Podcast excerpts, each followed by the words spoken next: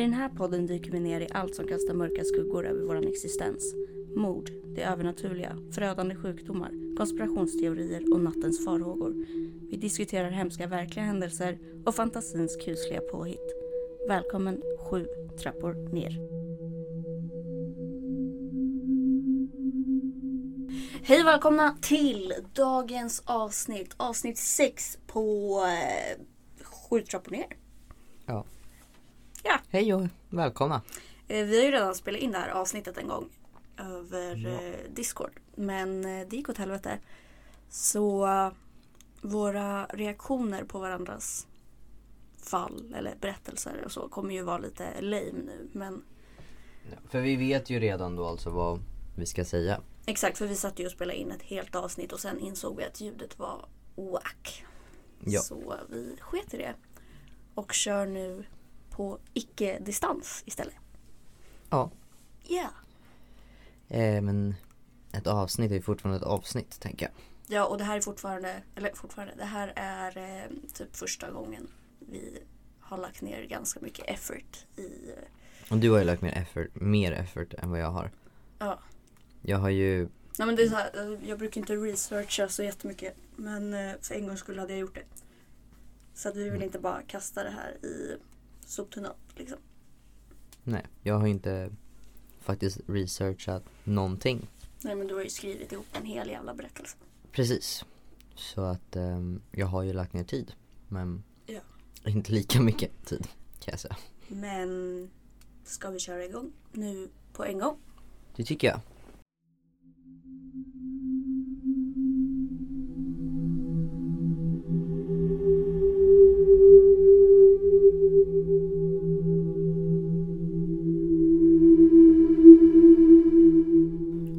Månen skiner in mellan de tunna gardinerna.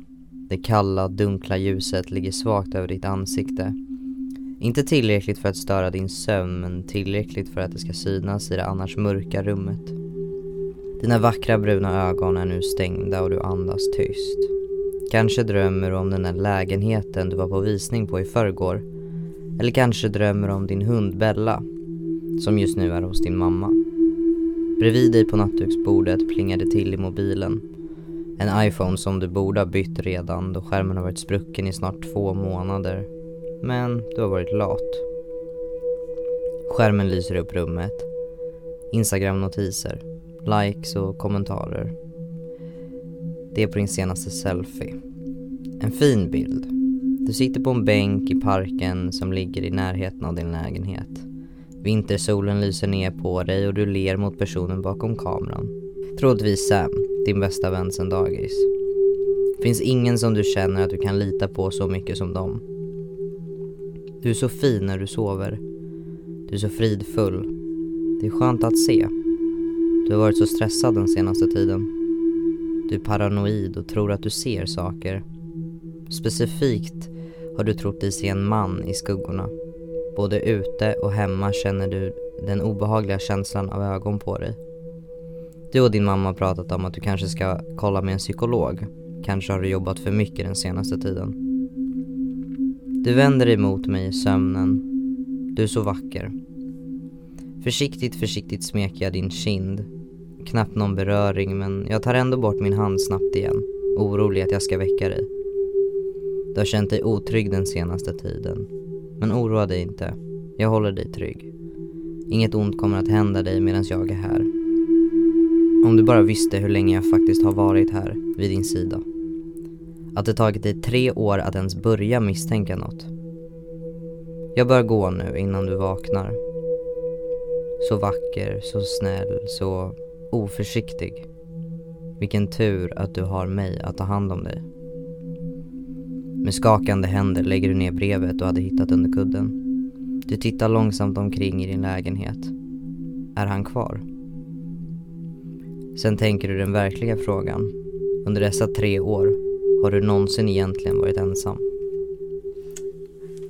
Så dagens avsnitt handlar ju alltså om stalkers. Precis. Och mina förra reaktioner, alltså första gången vi spelade in det här var ju mycket mer eh, så liksom. Ja. Men eh, ja, jäkligt bra skrivet. Faktiskt. Tack så mycket, tack. Den är lite äcklig. Ja. ehm, man är Nej, inte alltså den börjar ju medveten. först bara som en, eh, men en berättarröst. Ja. Men sen när man successivt börjar inse att det kanske är någon som håller lite span på någon. ja, Som det blir lite obehagligare. Och sen stegrar det väl därifrån. ja. För vem vill hitta ett brev under kudden där det står att någon ligger bredvid en och smeker en kind när man sover? Ganska äckligt. Ja. Ja. Ehm, men som Cindy sa då, dagens episod eller avsnitt eller vad man nu vill kalla det handlar om stalkers. Ja. Om eh, folk som förföljer en mer än vad man vill. Om man nu vill bli Jag tror de förföljd. flesta vet vad en stalker är. Men eh, det kan ju vara väldigt olika grad. Kan Ja. tänka. Det finns ju de som faktiskt blir fysiska eller de som bara spanar lite på håll. Ja, det finns stalkers som är riktigt nära en. Det kan ju vara partners, vänner, familjemedlemmar. Eller någon helt okänd. Precis. Det kan ju vara vem som helst, var som helst. När som helst. Exakt. Och det är det som är så jävla äckligt. Ja, precis. Det är obehagligt som fan, tycker jag. Ja, verkligen.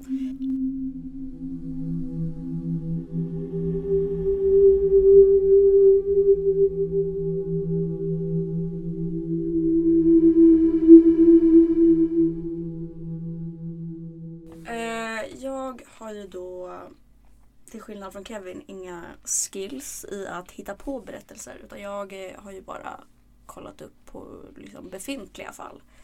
För jag eh, är ingen författare. Ehm, och vi tänker att vi kommer förmodligen stanna vid det konceptet att Kevin tar hand om det fiktiva Mm. och jag det mer realistiska.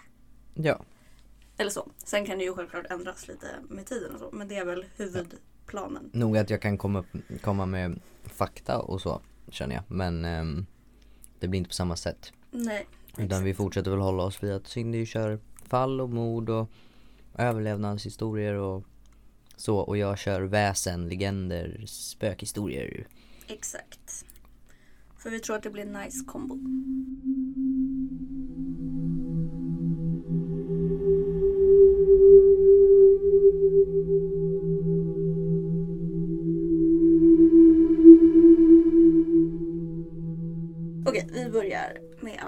Det är år 1984. Vi befinner oss i området Sunnyvale i Silicon Valley i Kalifornien. Eh, Laura Black är en 22-årig intelligent, snäll och söt tjej som just har fått en anställning som elektroingenjör på säkerhetsföretaget ISL Inc. Och eh, ja, ISL står för Electromagnetic Systems Laboratory. Eh, så de jobbar med bland annat The Pentagon, CIA och NASA. Eh, de utvecklar alltså säkerhetssystem för hela landets trygghet. På företaget blir Lara efter ett tag introducerad för en man med hög kompetens och ett bra rykte. Och det är då mannen Richard Farley som är den här berättelsens huvudperson. Ja, Eh, spoiler alert, han är ett creep. han är en aning obehaglig. Så Richard Wade Farley är vid tillfället 35 eller 36 år. Det står lite olika och jag kan inte riktigt räkna matte. Så jag vet inte. Men 35 eller 36 var han när det här inträffade. Eh, han beskrivs som en artig och duktig kollega. Han har haft lite svårt med det sociala enligt vissa men är ändå liksom väl omtyckt av de flesta medarbetarna och men, chefer och hej och. En trevlig man. Ja. Han har via jobbet fått stora uppdrag i bland annat Australien så han har ju liksom hög tillit till sig av eh, chefer och skit. Ehm, och innan anställningen på ISL så spenderade han nästan 10 år i militären inom flottan och där var hans främsta inriktning spionerier och kryptologi. Så han besitter ju en hel del creepy knowledge. Alltså om man tänker Om det används skulle- på fel sätt. Ja. Så, ja.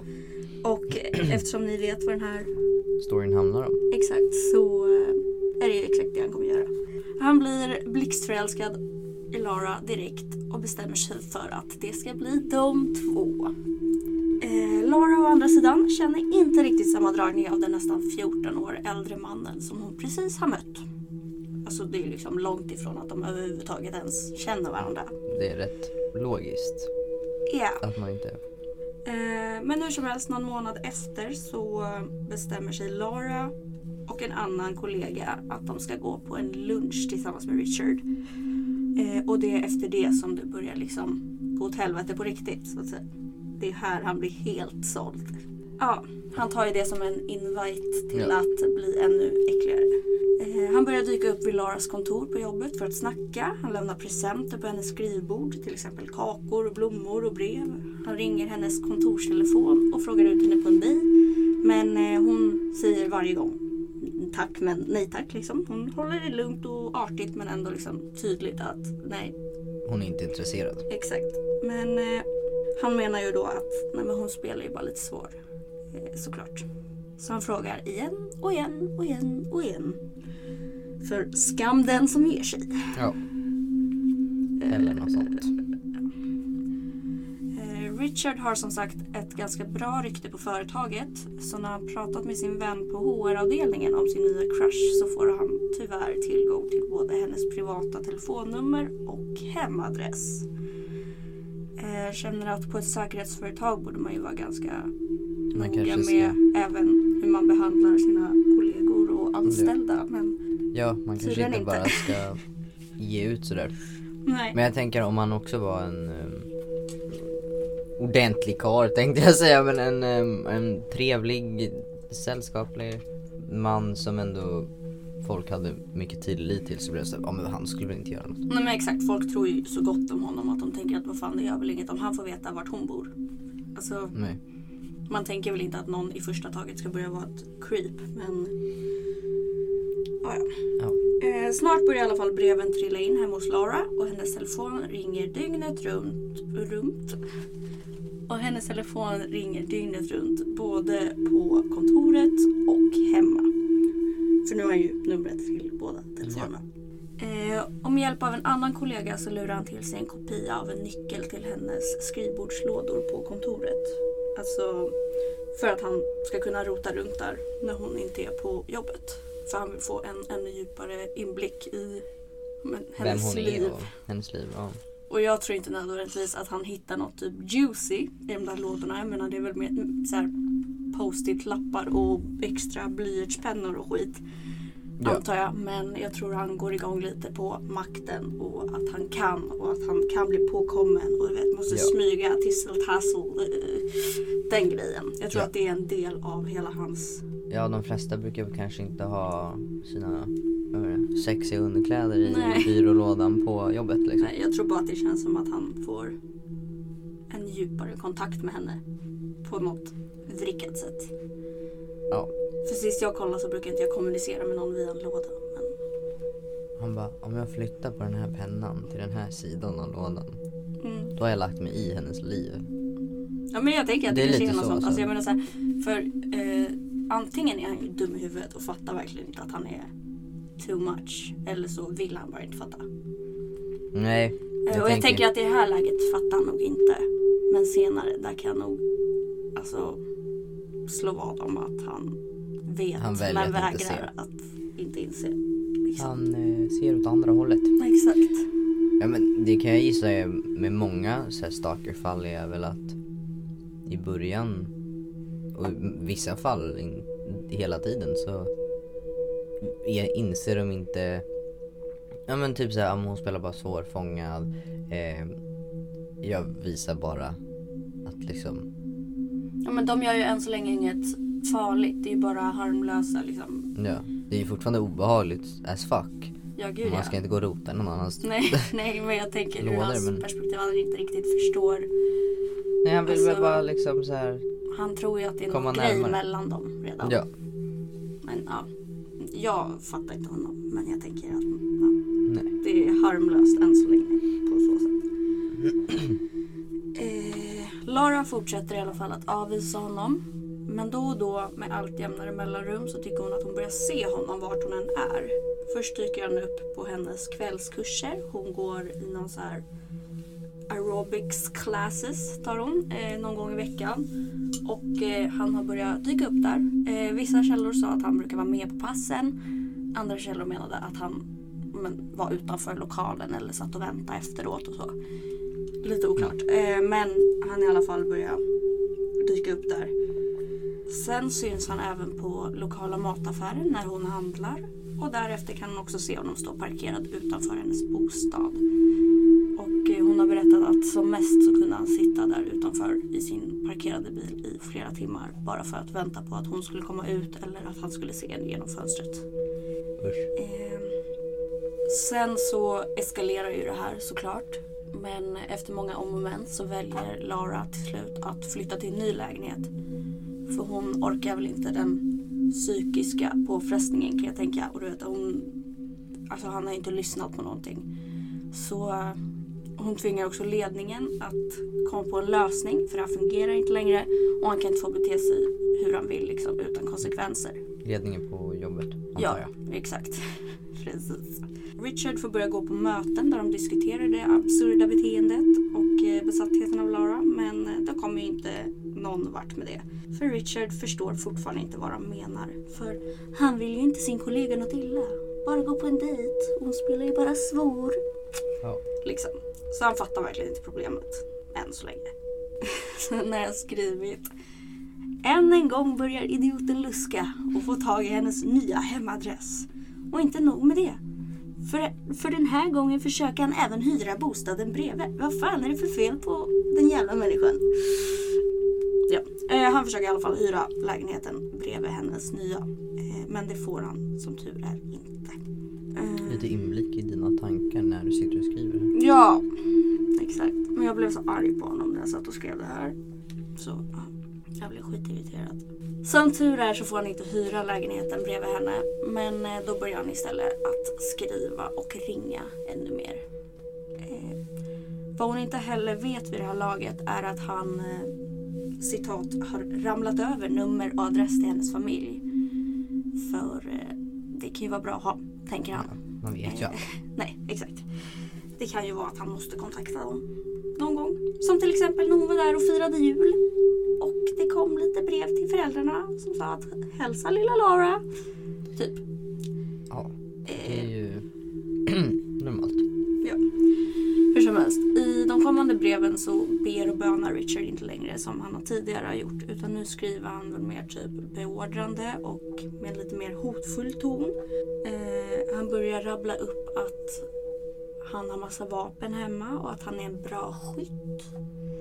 Så det är lite oroväckande. Eh, och HR-avdelningen på ISL börjar vid det här laget efter ännu fler klagomål av Lara förstå att hon inte mår bra av Richard. Eh, kollegor börjar prata med honom och förklara att han borde backa. Men det gör honom tokig för det här är ju hans livskärlek. kärlek han har till och med skrivit i sitt testamente att hon ska få ärva allt han äger om han dör före henne. Hmm. Eh, kinda nasty. Ja. Efter det fortsätter det med att Lara totalt behöver flytta fyra gånger under fyra år. Så en gång per år, ish. Bra matte! Uh. Duktig. Ehm, hon fortsätter bli trakasserad med presenter, samtal, hembesök och allmän förföljelse. Och Richard får fler möten med ledningen och han tvingas till slut att gå i terapi. När han slutligen blir tillsagd att han kommer bli sparkad från företaget om han inte skärper sig så mordhotar han chefen och eh, säger att han även kommer skada sina kollegor ifall han inte får vara kvar på företaget. Men eh, ingenting görs mot det här, för det här eh, utan de fortsätter som vanligt och tar inte det här på allvar riktigt. Eh, vilket jag tycker är ganska konstigt. Men, Ja, det har ju gått en rätt lång tid nu känner jag. eh, han fortsätter också gå runt och hinta om att han har en stor vapensamling och hur duktig han är på att skjuta. Mm. Så att det här är ju ett återkommande fenomen. Att han går och skryter eller hotar om sina kunskaper. Och bara där tycker jag väl att de skulle ha gått till polisen.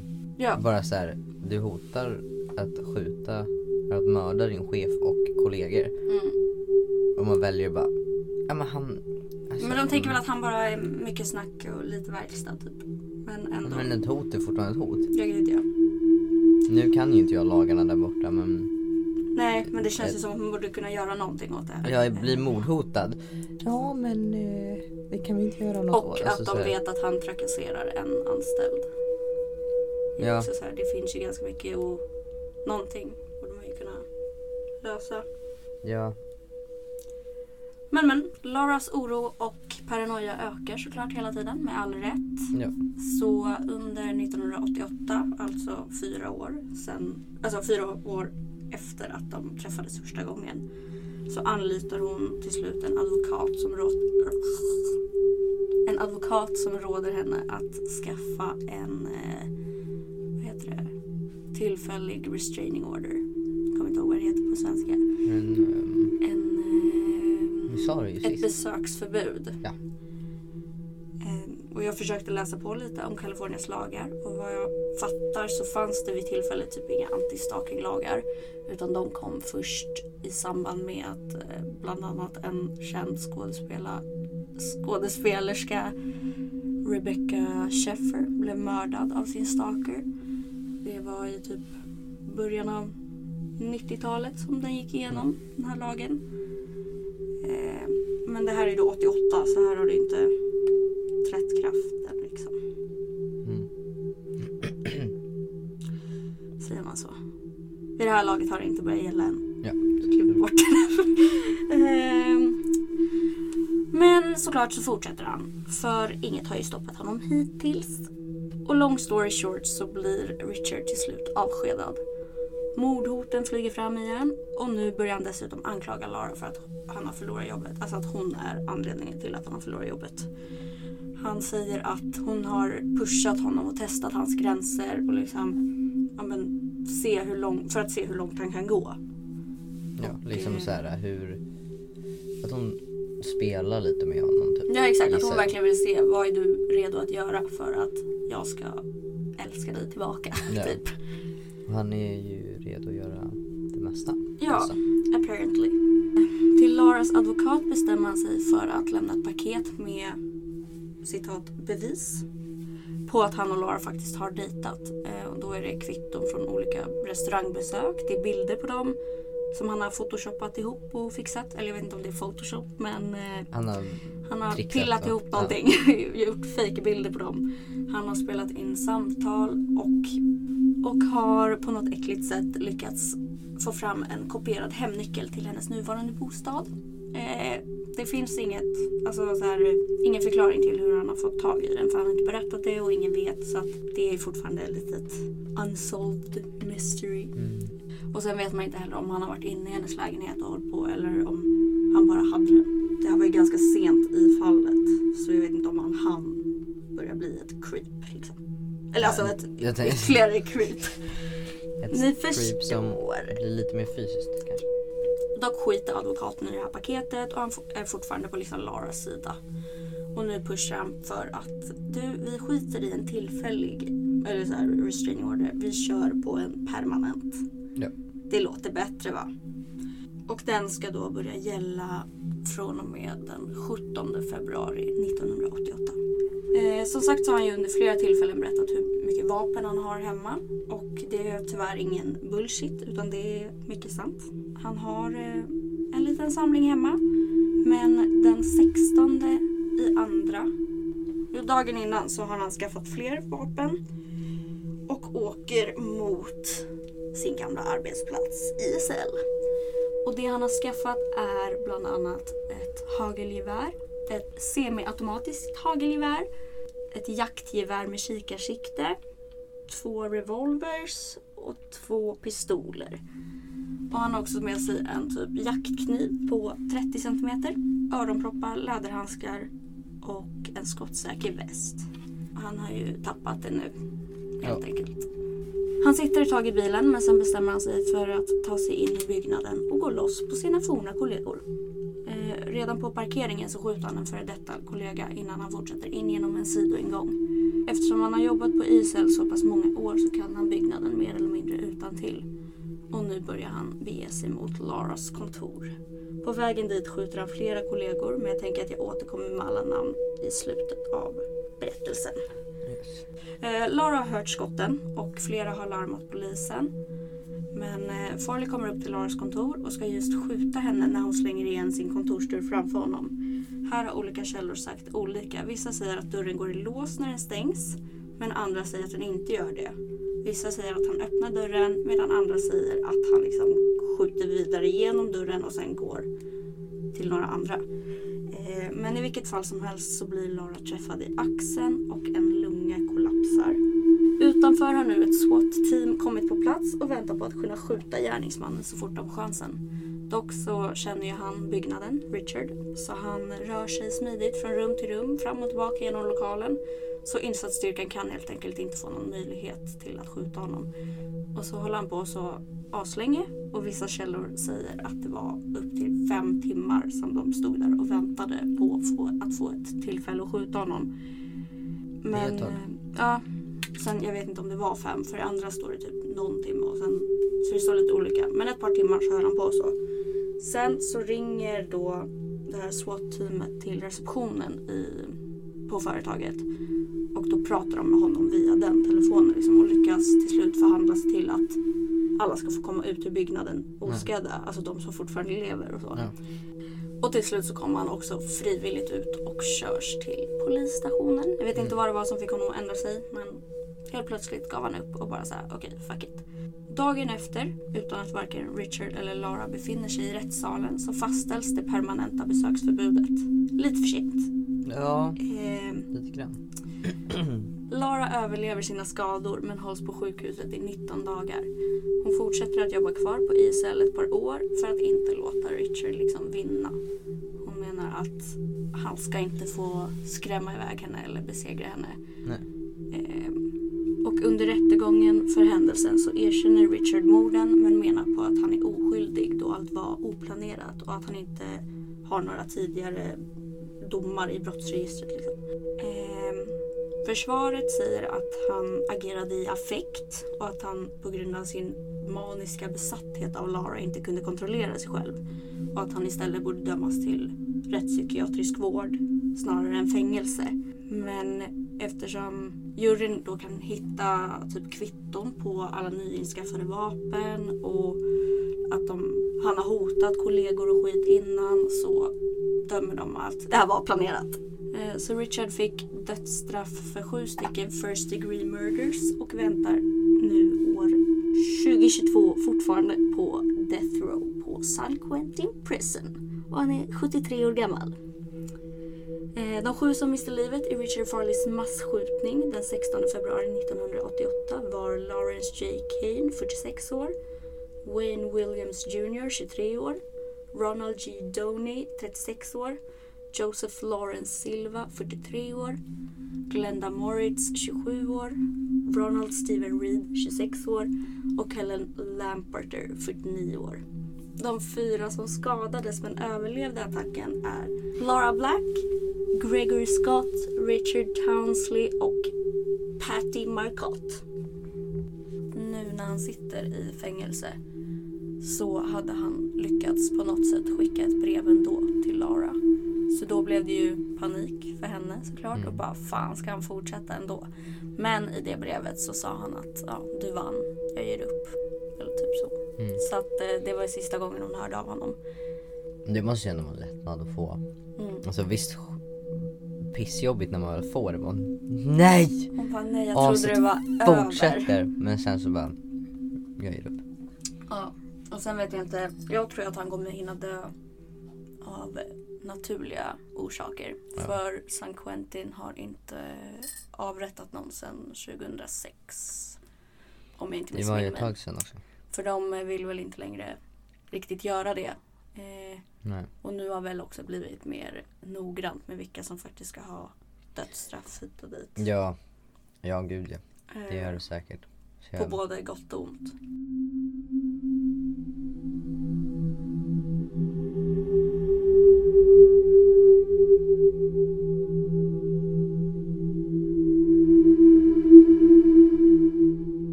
Vad känner du om dödsstraff? Eh, Dödsstraff är... Hmm. Jag tycker att dödsstraff är läskigt i det att det finns ju många som blir oskyldigt dömda. Mm. För att det Ja, inte gud, finns tillräckligt mycket bevis eller saker och ting kommer fram 20 år senare. Mm. Och då är det så här, ha, då har oskyldiga människor dött. Exakt. Och i många fall så, visst en oskyldig människa i allmänhet är ju hemskt. Men jag tänker, det finns ju alltså så här, småbarnsföräldrar eller bara föräldrar i allmänhet. Alltså Mm. så här, Ja, jag har ju läst om Unga- en jätteung kille som fick death row och sen så visade det sig i, när han redan var avlivad, avrättad, att eh, han inte var skyldig. Och det var Mm. bara en ung kille. och Han där var är väl det knappt 18 liksom. Ja och det är det jag menar att liksom så här, det är obehagligt med så mycket, vad heter det, mm, kraft i ett Mm. rätts... Eller ja, det är väl bra tänker jag med att, vad heter det, lagar ska ha alltså så här mycket power bakom dem såklart. Ehm, och jag förstår väl hela den här med att varför det finns i det att inte bara för att bli av med personen som gjort någonting hemskt. Mm. Att det här blir ditt straff, du får inte leva längre. Mm. Men också för att liksom så här i alla fall förr i tiden, mycket handlade ju om att skrämmas. Alltså så här, det var därför de hade eh, public, alltså så här, där de hängde folk mitt inne i Det är stan. inte alls så jättegammalt och det, är- alltså det är ju Ja, alltså, ganska aktuellt fortfarande i vissa länder. Ja, alltså jag tänker och där är det ju Mellanöstern och sånt har det väl pågått mycket längre än i, ja men här i jo men definitivt. Och det Norden, menar jag ju. liksom. Anledningen till att de avrättar folk mitt i stan, där alla kan titta på, är ju för att det ska vara så här följ lagar och regler, annars kan det här hända er. Alltså så här, för att det blir ju obehagligt. Ja för jag tänker alltså så här, jag är inte, inte för dödsstraff. Men samtidigt när jag hör typ sådana här saker som jag vet är sant. Liksom när man Mm. har helt, helt hundra att man har rätt person. Mm. Då är jag så här, avliva aset. För Ja. det är en jävla idiot. Men samtidigt så vill man ju också då typ eh, Alltså att han eller hon får stå sitt kast och liksom ta ett straff. För annars det blir så lätt eh, utväg. Att eh, bli eh, liksom Jo, avrättad. definitivt. Alltså jag tänker så här, om det är en värsta pedofilen, massmördare och liksom har hållit på Ja. som ett as hela sitt liv. Så får man fast honom, man vet att han är skyldig för allting. Det är så här, man vill ju bara vrida nacken av han. Ja, Men då är det då så kan jag här, ju han, nästan bli lite gladare om de får ett livstidsfängelse.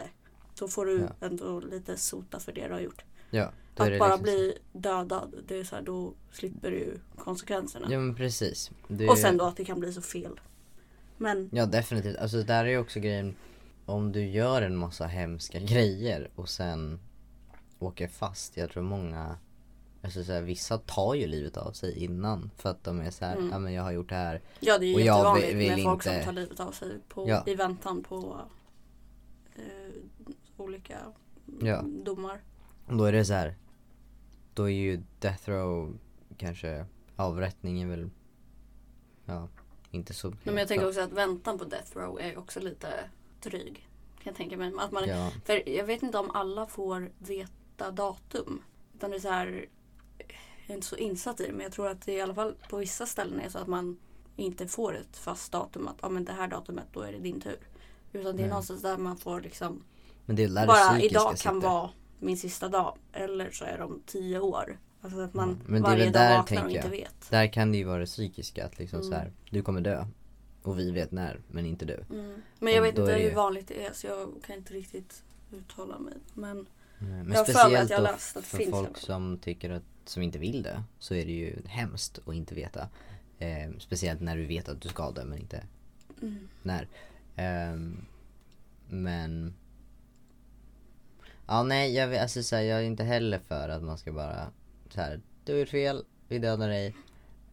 Ehm, Men sen tror jag också i viss mån så kan man också rehabilitera folk. Tänker jag. Men kanske inte den grövsta nej. graden. Men så här, har det varit en, ett äckel som har varit alltså, utnyttjat barn sexuellt och hållit på. Då, är det så här, då, då kan du inte rehabiliteras. Tänker jag. Då, då kan du få sitta där och ruttna för alltid. Mm, Medan om det är något mildare brott. tänker jag kanske man kan. Och sen beroende på omständigheter såklart. Jag tänker är det en ung person Ja. som typ jag, jag kan inte komma på några exempel nu men någon yngre person som agerar i affekt och inte alltså att det är planerat utan att Nej. han bara av ren ilska eller något. Då tänker jag det borde man ju kunna Eller jobba med. av andra. Exakt, det borde man ju kunna jobba med liksom Ja. att den, men, ja. men är det en Nej, gammal håller- gubbe som har hållit på i 30 år då är det nej din chans är borta. Ja gud.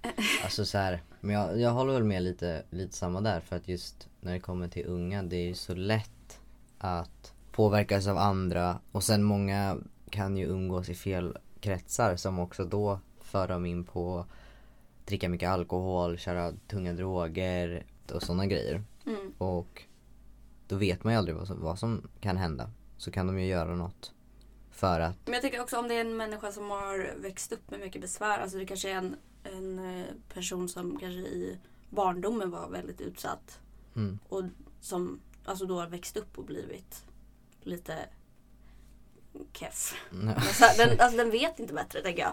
Om man har växt upp med Nej. en, missbrukarmamma och en pappa som inte är befintlig i bilden. Ja. Att det liksom, det finns ju, man får ju kolla liksom på helheten. För jag tänker då kanske inte den människan riktigt fattar vad som är rätt och fel. Men om man då rehabiliterar och personen får den hjälp och stöd den be- behöver. Då, Ja, ja definitivt. Jag håller, men jag håller med. Ja, det, alltså, det är svårt, tycker jag, i allmänhet. Det här med lagar om straff. För det är i många fall tycker jag att vi inte har straff som är hårda nog. nej i Sverige nej. nej Definitivt nej, absolut inte. Eh, det finns ju jättemånga fall där folk går fria utan minsta lilla och de har gjort Ja gud ja. sjuka grejer. Men nu 2022 ska de i alla fall slopa straffrabatten. Det tycker jag är bra. Att Mm. eh, barn eller folk som inte fyllt 18 fortfarande får liksom. Alltså förut var det eh, ju yngre du är desto mer rabatt får du. Men nu är det så här. Nu är det same same. Mm. Begår det- ett brott. Ja.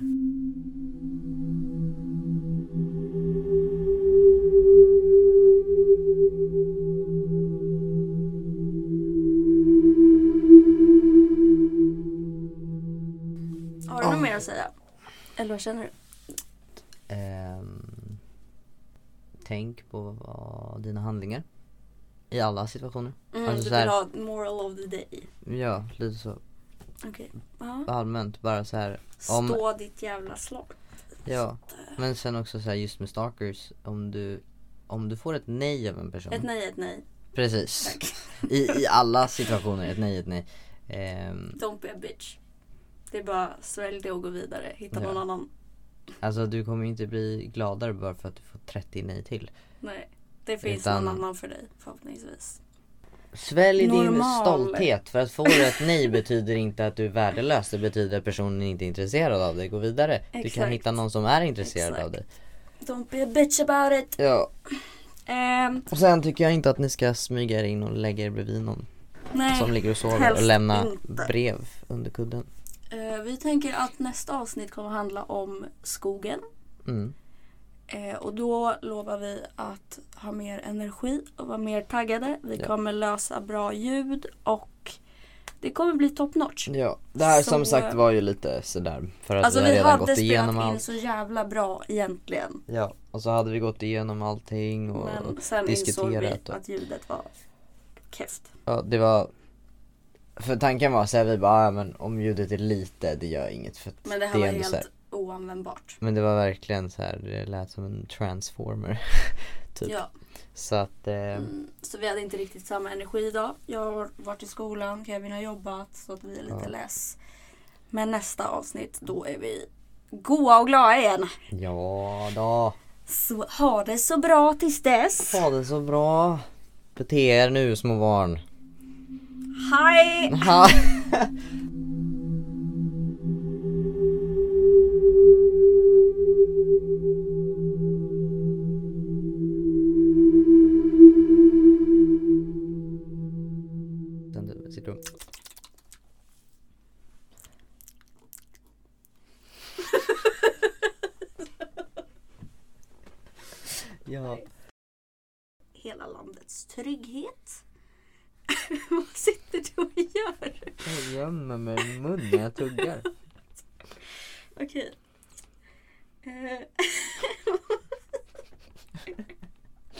tänkte att man ska ha dem i i bakgrunden. Men jag är också en gris så jag kan inte låta bli. Nej. Okay. Eh, eh, eh. Han blir helt enkelt blixtförälskad. El- han blir...